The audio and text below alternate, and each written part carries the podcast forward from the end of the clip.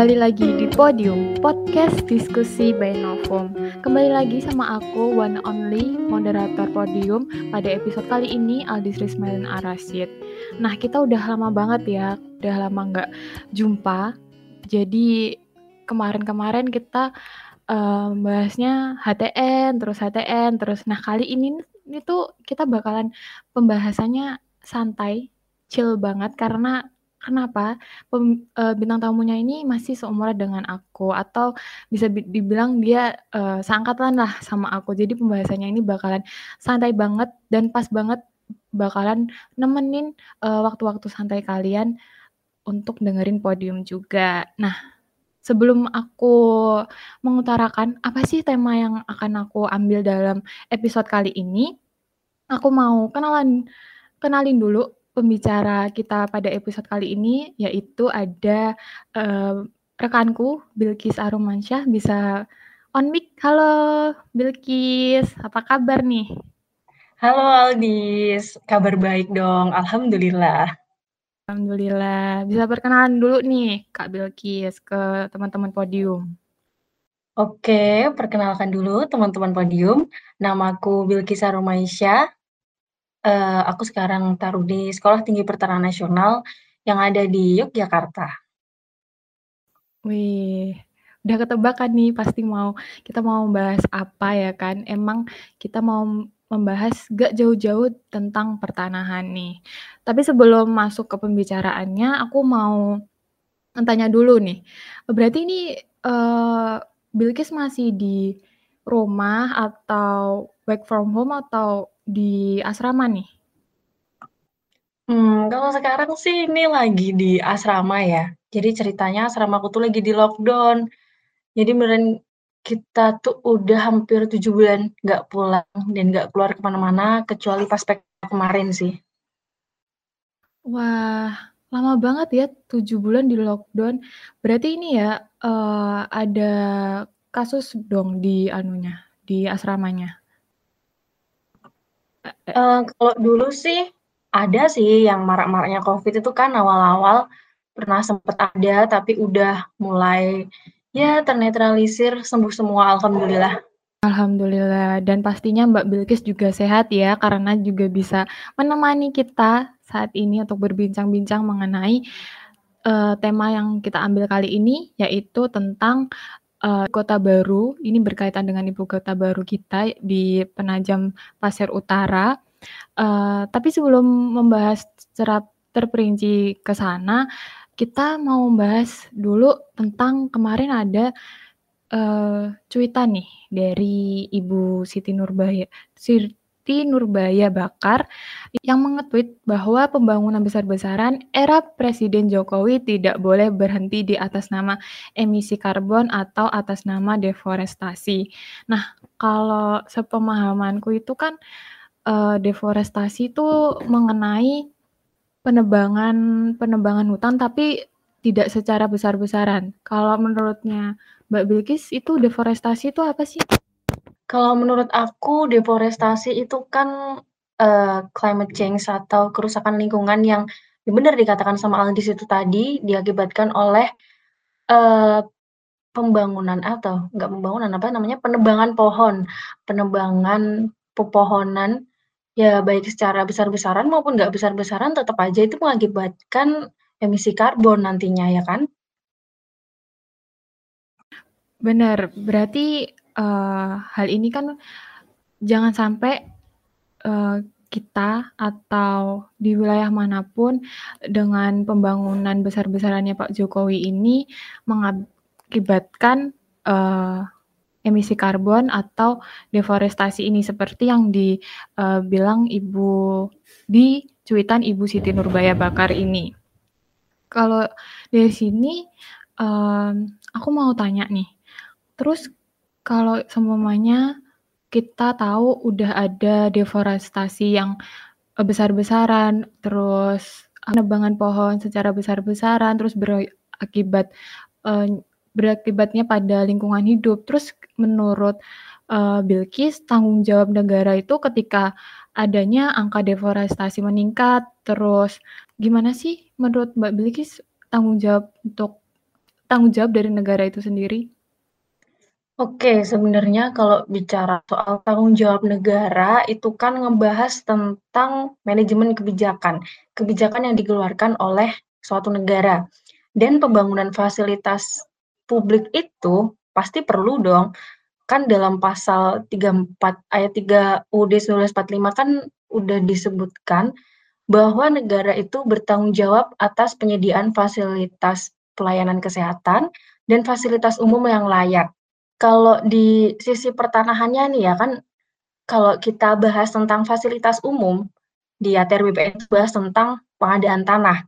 Dan di ada juga Undang-Undang Pengadaan Tanah pasal 5 atau pasal 8 itu yang disebutkan bahwa pihak yang punya tanah untuk objek pengadaan tanah fasilitas umum itu wajib dilepaskan untuk kepentingan umum.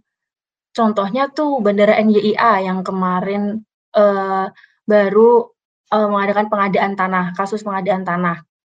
Nah, di sana itu mereka namanya nggak ganti rugi. Kalau dulu kan ganti rugi, kalau sekarang tuh ganti untung. Jadi tanahnya itu dibeli, tanah masyarakat dibeli sama pihak uh, pemerintah Yogyakarta, kemudian uh, kemudian diganti, gantinya itu ganti untung untuk mengubah stigma masyarakat tentang pengadaan tanah demi kepentingan umum ini. Jadi setelah mereka uh, tanahnya diganti baik diganti dengan uang, mereka juga diberikan tempat gitu. Jadi nggak cuman semerta-merta, "Nih aku beli tanahmu, aku kasih uang, kamu pergi." Enggak, diberikan tempat, juga diberikan, uh, apa namanya, pekerjaan yang layak lah, dicarikan pekerjaan yang layak di situ. Terus, kalau menurut aku ya, ini pasti ada dampaknya ke lingkungan. Ya, ini tuh namanya hukum alam sih ketika ada sebuah pembangunan pasti ada dampaknya. Kalau kita ngelakuin sesuatu juga pasti ada penyebab, ada sebab, ada akibatnya gitu kan. Tinggal bagaimana membalanskan antara kepentingan publik atau pembangunan fasilitas umum itu dengan dampak di alamnya sendiri tuh. Misal nih dalam pembangunan pasar kalau dilihat dari uh, aspek lingkungannya pembangunan pasar fasilitas umum ini kan perlu banget ya di di kota atau di desa itu kan. Nah, kita lihat nih di situ apakah air untuk tempat pembangunan pasar itu mampu atau cukup untuk kebutuhan di pasar itu nanti. Jadi kayak dilihat dari aspek lingkungannya juga kayak kita mau membangun sesuatu, membangun fasilitas umum itu harus sesuai uh, dengan KLHS Benar-benar. Berarti, uh, sepengetahuannya Bilkis bahwa pemerintah sekarang tuh udah benar-benar bertanggung jawab loh, bukan bertanggung jawab demi kayak kita bayar kayak zaman dulu kan, uh, "Aku beli tanah kamu, aku punya dana ini buat kamu, terserah nanti mau kamu pakai buat rumah, mau buka usaha, terserah." Tapi tadi, uh, yang disebutkan oleh Bilkis bahwa kasusnya tersebut, pemerintah tuh tanggung jawab beneran loh kalau tentang, uh, sandang, pangan, papannya gitu. Kalaupun, uh, lahannya itu mau dijadikan fasilitas umum. Berarti ini kan menandakan bahwa pasal 28H itu di dalam Undang-Undang Dasar 1945 yang menyebutkan bahwa setiap orang berhak hidup sejahtera, lahir dan batin, bertempat tinggal, dan mendapatkan lingkungan hidup yang baik dan sehat itu memang sudah diciptakan untuk uh, masyarakat sendiri. Hmm, ya kan. Nah, kembali lagi di tweetnya Ibu Siti Nurbaya Bakar tadi, uh, kan ad tadi kan menyebutkan, uh, pertanya pernyataan bahwa pembangunan tidak boleh berhenti hanya karena alasan emisi karbon atau deforestasi. Nah, menurutnya Bilkis sendiri pernyataan ini tuh tepat nggak sih? Soalnya kalau kita lihat-lihat di Twitter ini kan Sampai apa ya, sampai trending, terus sampai menimbulkan pro dan kontra kayak gitu. Nah, kalau menurutnya Bilkis gimana? Uh, tweet dari Ibu Menteri KLHK Bu Siti Nurbaya Bakar itu aku nggak tahu ya sebenarnya emang beliau sendiri yang mengetweet itu, yang punya akun itu atau emang, uh, ada adminnya sendiri gitu. Kalau menurutku pun artikulasi atau kata-katanya itu salah. Walaupun sebenarnya pembangunan emang benar nggak boleh berhenti hanya karena ala bukan hanya karena karena alasan deforestasi, karena itu tadi.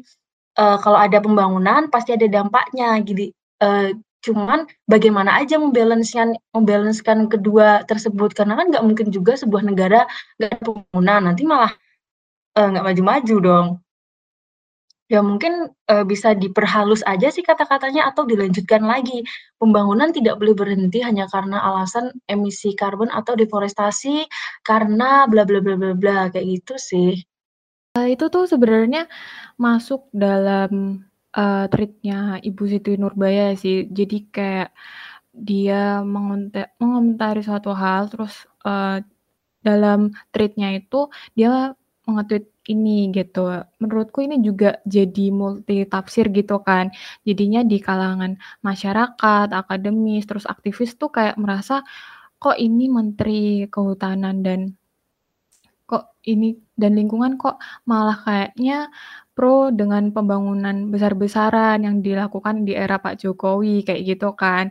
Nah, kalau kita bicara pembangunan besar-besaran, pasti kita langsung inget ke ibu kota, eee, negara kita, calon ibu kota baru kita, yaitu ada di Penajem Pasir Utara, Kalimantan Timur, yang kita tahu sendiri bahwa, eee, dilakukannya pembangunan besar-besaran. Nah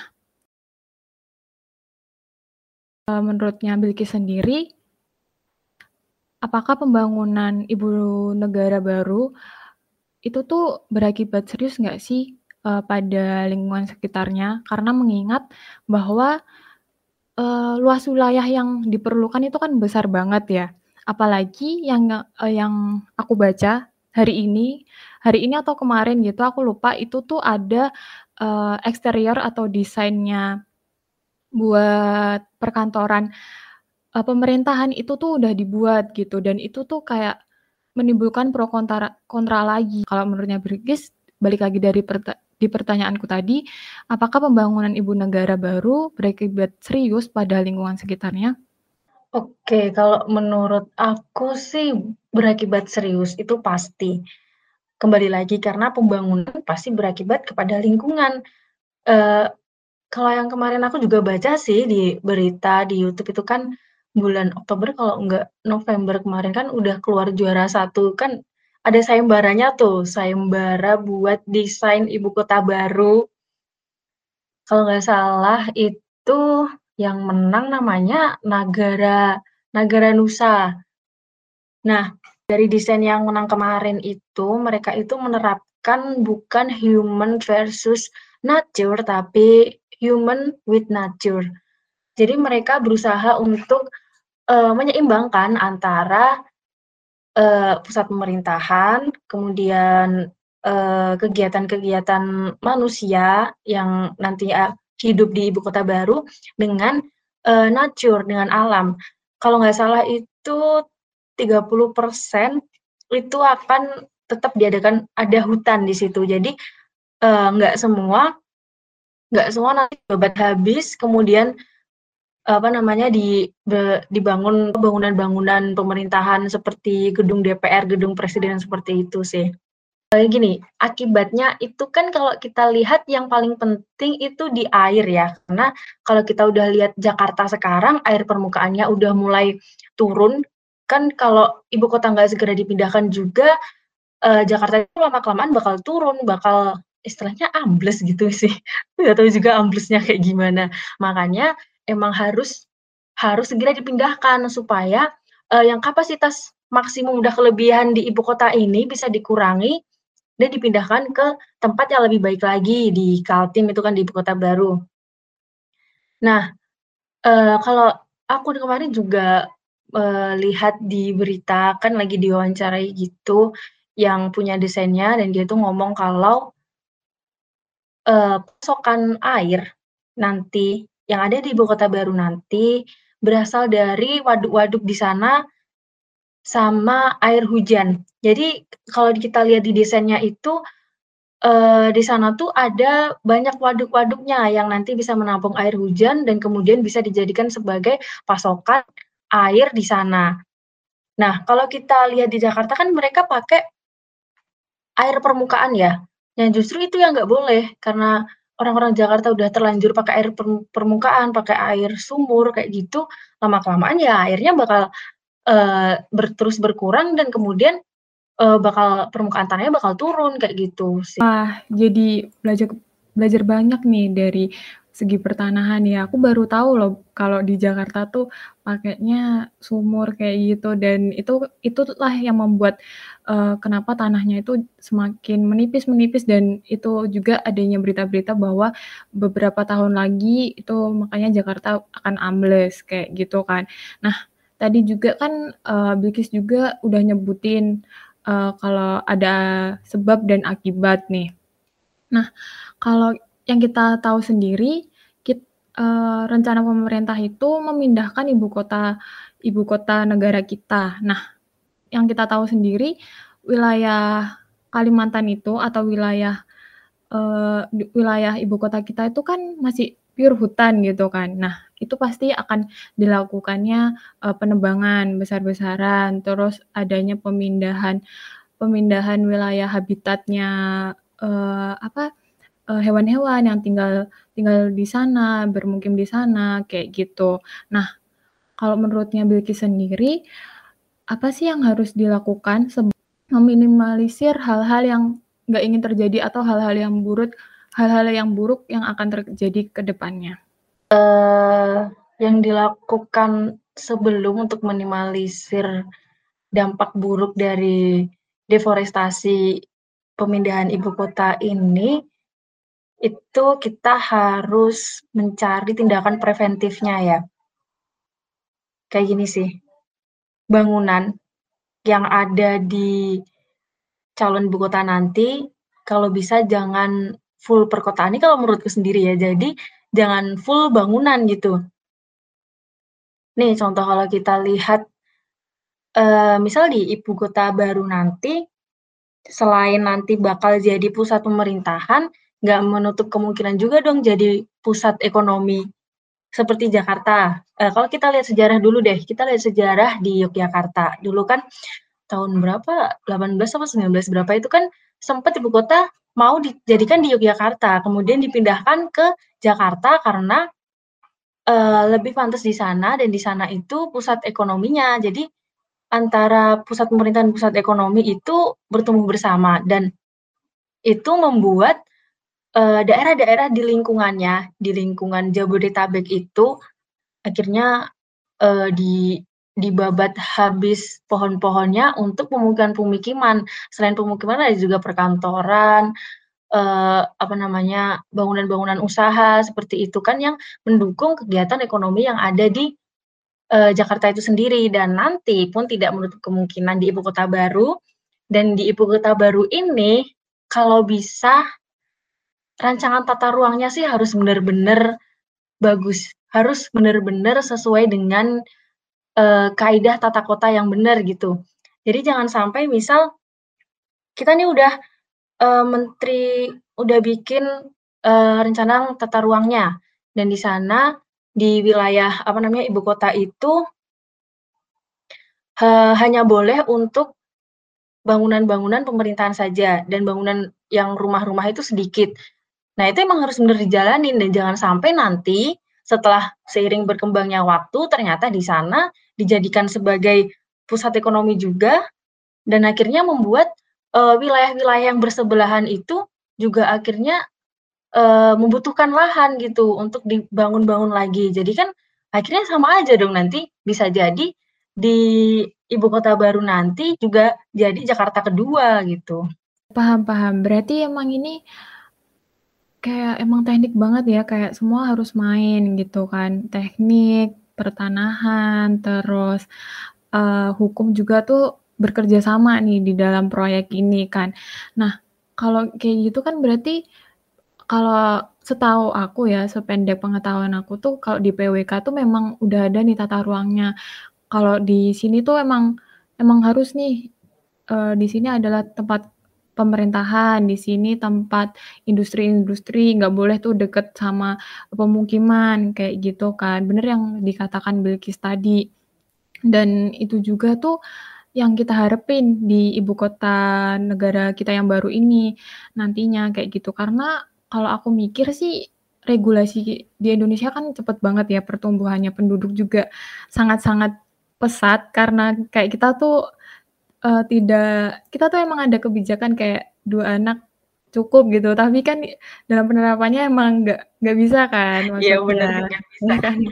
Nggak bisa kayak nggak bisa dikontrol aja udah kayak gitu, emang Indonesia tuh seperti itu. Nah, kayak gitu, terus habis itu mindset-nya orang tuh masih berpikiran bahwa kalau aku hidup di ibu kota itu pasti bakalan hidupku terjamin karena pasti UMR-nya lebih tinggi kayak gitu dan itu juga menurut aku yang menjadikan aku tuh setuju untuk, eee, ibu kota dipindahkan. Karena aku yang tinggal di Jawa pun kayak, ya ampun ini sumpah padet banget, di sini tuh udah padet banget. Dan kayak melihat, eee, Kalimantan yang punya luas wilayah selain itu juga SDA-nya tuh juga terpenuhi kan di sana. Jadi menurutku emang bagus harus dipemerataan kayak gitu, apalagi kita kalau lihat di Jakarta dengan keadaannya udah padat kayak gitu, jangankan di Jakarta, di di kota-kota kecil di Jawa aja udah kayak udah padat gitu. Jadi aku setuju sih sebenarnya dengan, eee, pemindahan ibu kota ini, tapi dengan catatan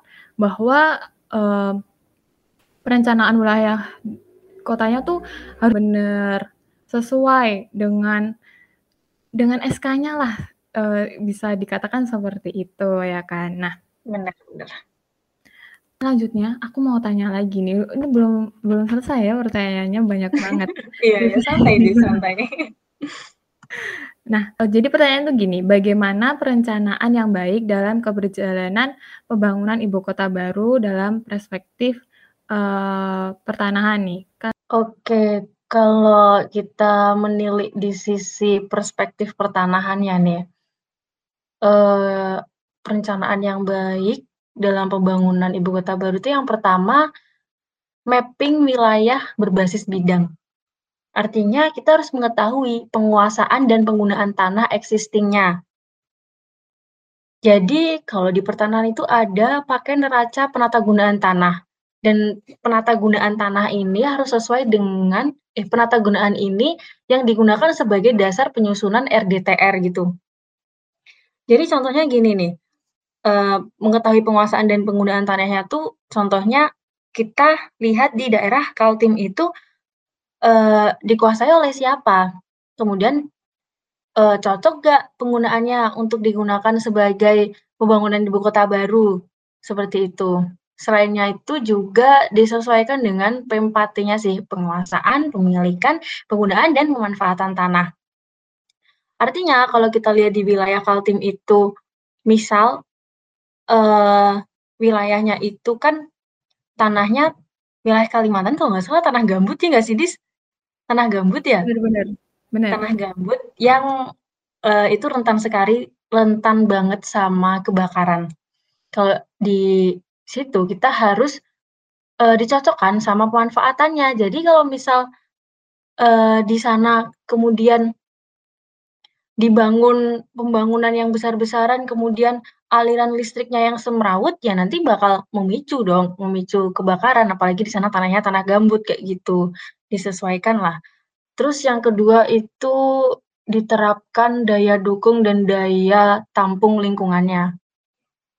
Nah, lingkungannya tuh mendukung nggak kalau di sana akan dibangun ibu kota baru yang kalau kita lihat di desainnya itu bener-bener, eee, banyak sekali bangunan kayak gitu. Habis itu harus mempertahankan 30% wilayah kota.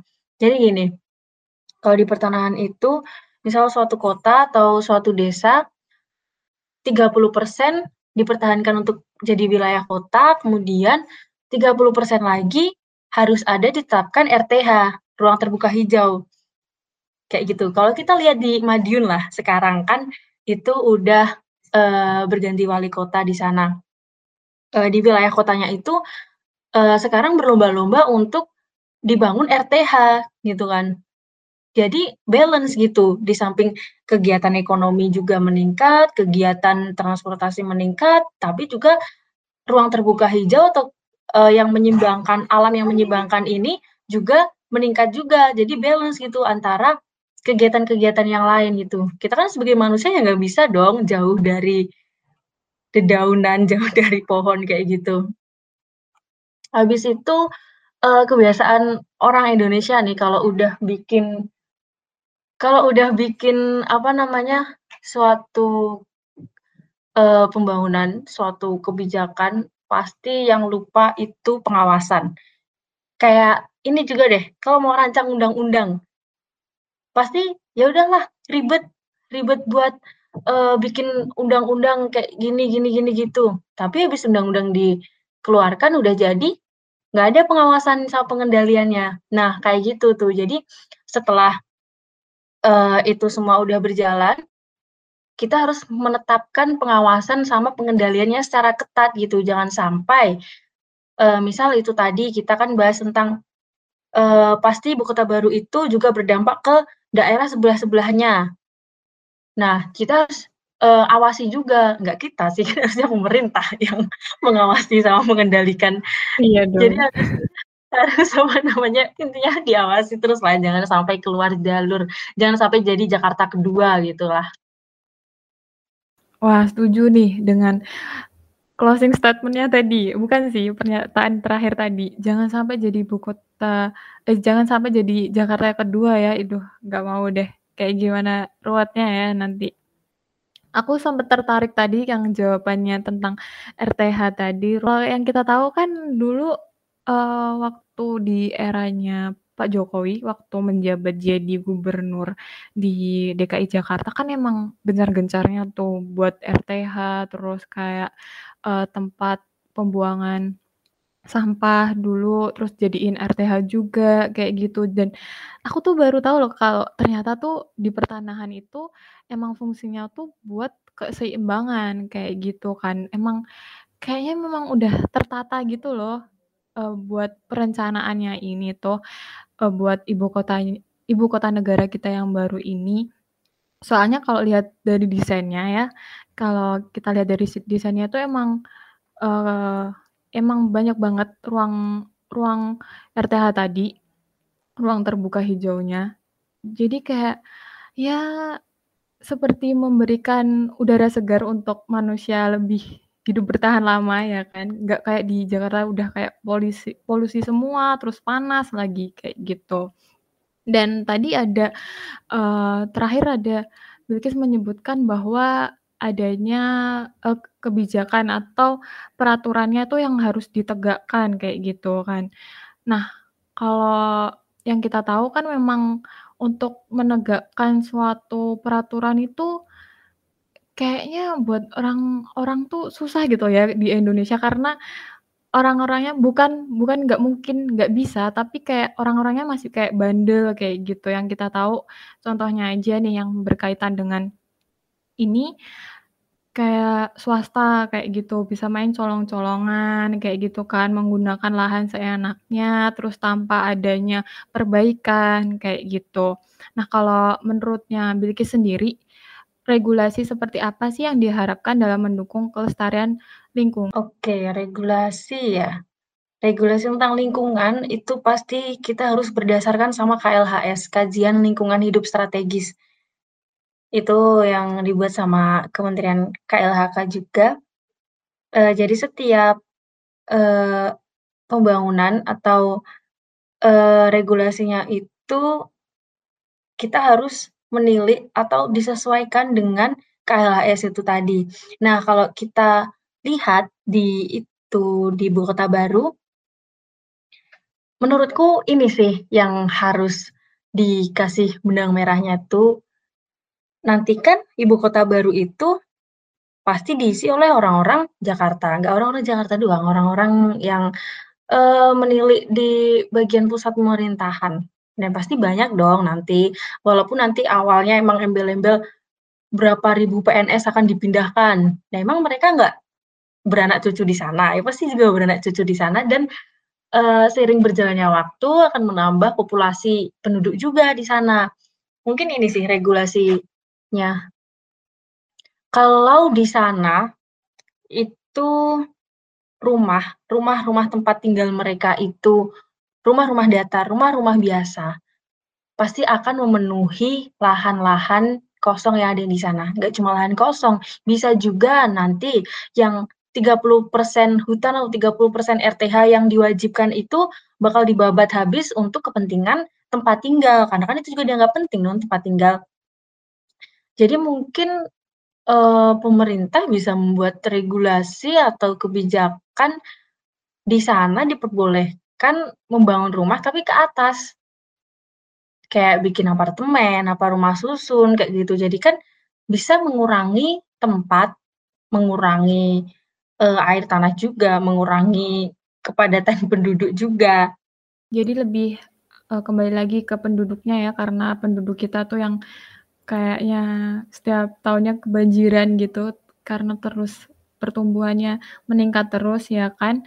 Nah, uh, aku tertarik nih sama pertanyaan terakhir ini karena menurutku regulasi atau produk hukum di Indonesia itu emang udah baik banget sebenarnya.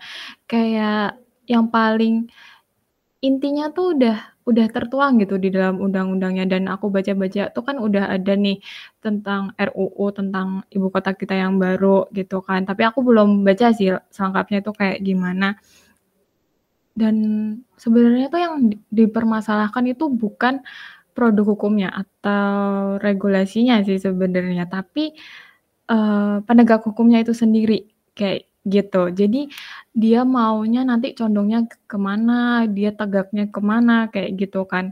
Menurut aku udah bagus dan aku setuju juga dengan pernyataan yang Bilkis tadi, kita fokus ke pertumbuhan penduduk tadi, karena balik lagi aku suka kata-katanya tadi, jangan dijadikan ini, uh, menjadi Jakarta yang kedua, kayak gitu. Karena ini penataannya tuh menurut aku udah epic banget, tinggal diseriusin lagi mau gimana, karena memang, um, untuk pemindahan ibu kota ini kan bertujuan untuk memeratakan perekonomian, yang kita tahu ekonomi kita tuh masih terpusat kan di Jawa, kayak gitu kan. Nah, dari sini pun kayak diharapkan bukan di kayak, tapi wajib diharapkan untuk memeratakan perekonomian yang ada di Indonesia. Jadi semua tuh rata dan untuk menjadi negara maju tuh bukan sebuah angan-angan lagi, tapi memang udah deket nih, kita yang memang bakalan menjadi negara maju. Nah, kalau pertanyaan terakhir, harapannya Bilkis buat ibu kota negara kita yang baru, caranya apa? Harapanku ya buat ibu kota negara yang baru nih, semoga ini dulu sih, semoga lancar, semoga uh, pembangunannya nggak gagal. Semoga nggak jauh dari yang diangan-angankan sekarang. Kita kan karena kita Indonesia baru pengalaman pertama kali pemindahan ibu kota dan di masa Covid seperti ini yang di mana dananya udah banyak teralihkan ke COVID-19 dan tetapi kita tetap kekeh buat uh, tetap pindah ibu kota. Kayak gitu sih. Jangan sampai kita udah jor-joran nih buat pendanaannya tapi tiba-tiba mandek. Aku harapin ini uh, jadi fokusnya kita setelah uh, nanti pasca pandemik. Dan ini juga udah fokus-fokus banget sih karena udah ada desainnya ya tinggal satset-satset lah katanya anak zaman sekarang kayak gitu bener kan? Bener banget nih.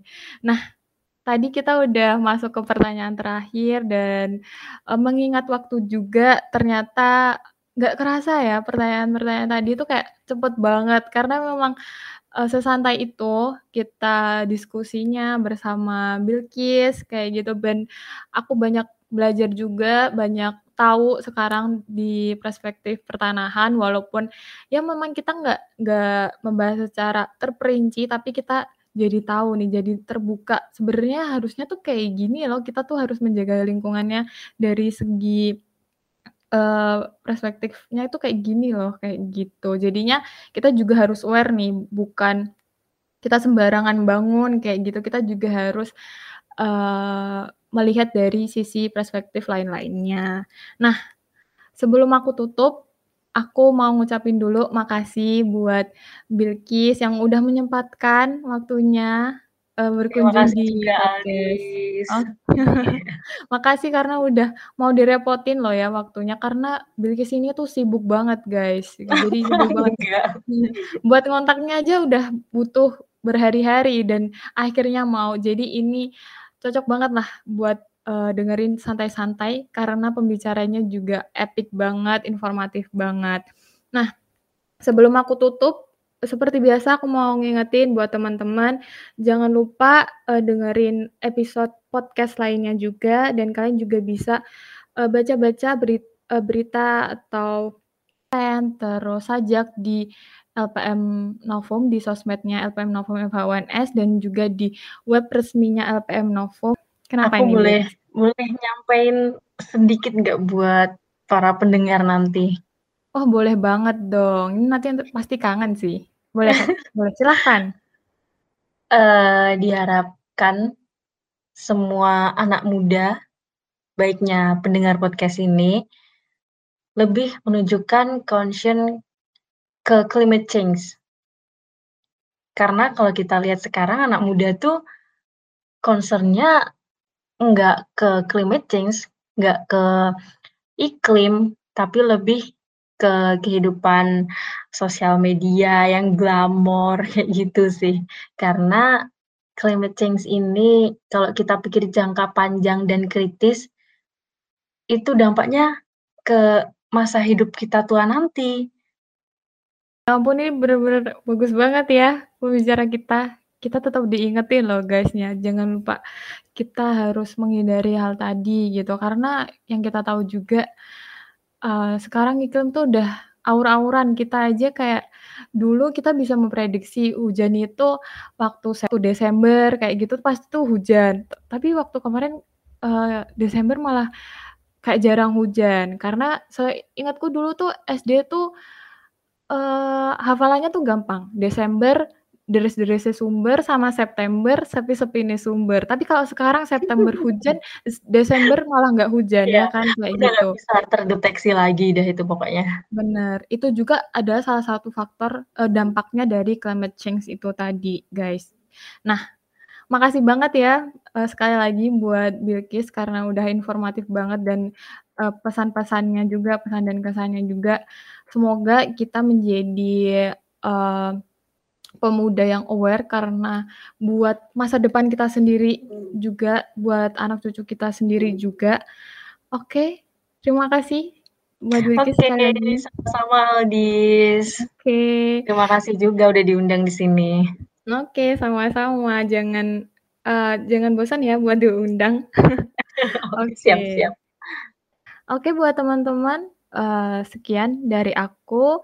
Buat teman-teman jangan lupa uh, berkunjung di webnya Novum dan sosmed lainnya. Aku Aldis Rismailin Arasid. Sampai jumpa di episode podium selanjutnya podcast diskusi by Novum. Bye.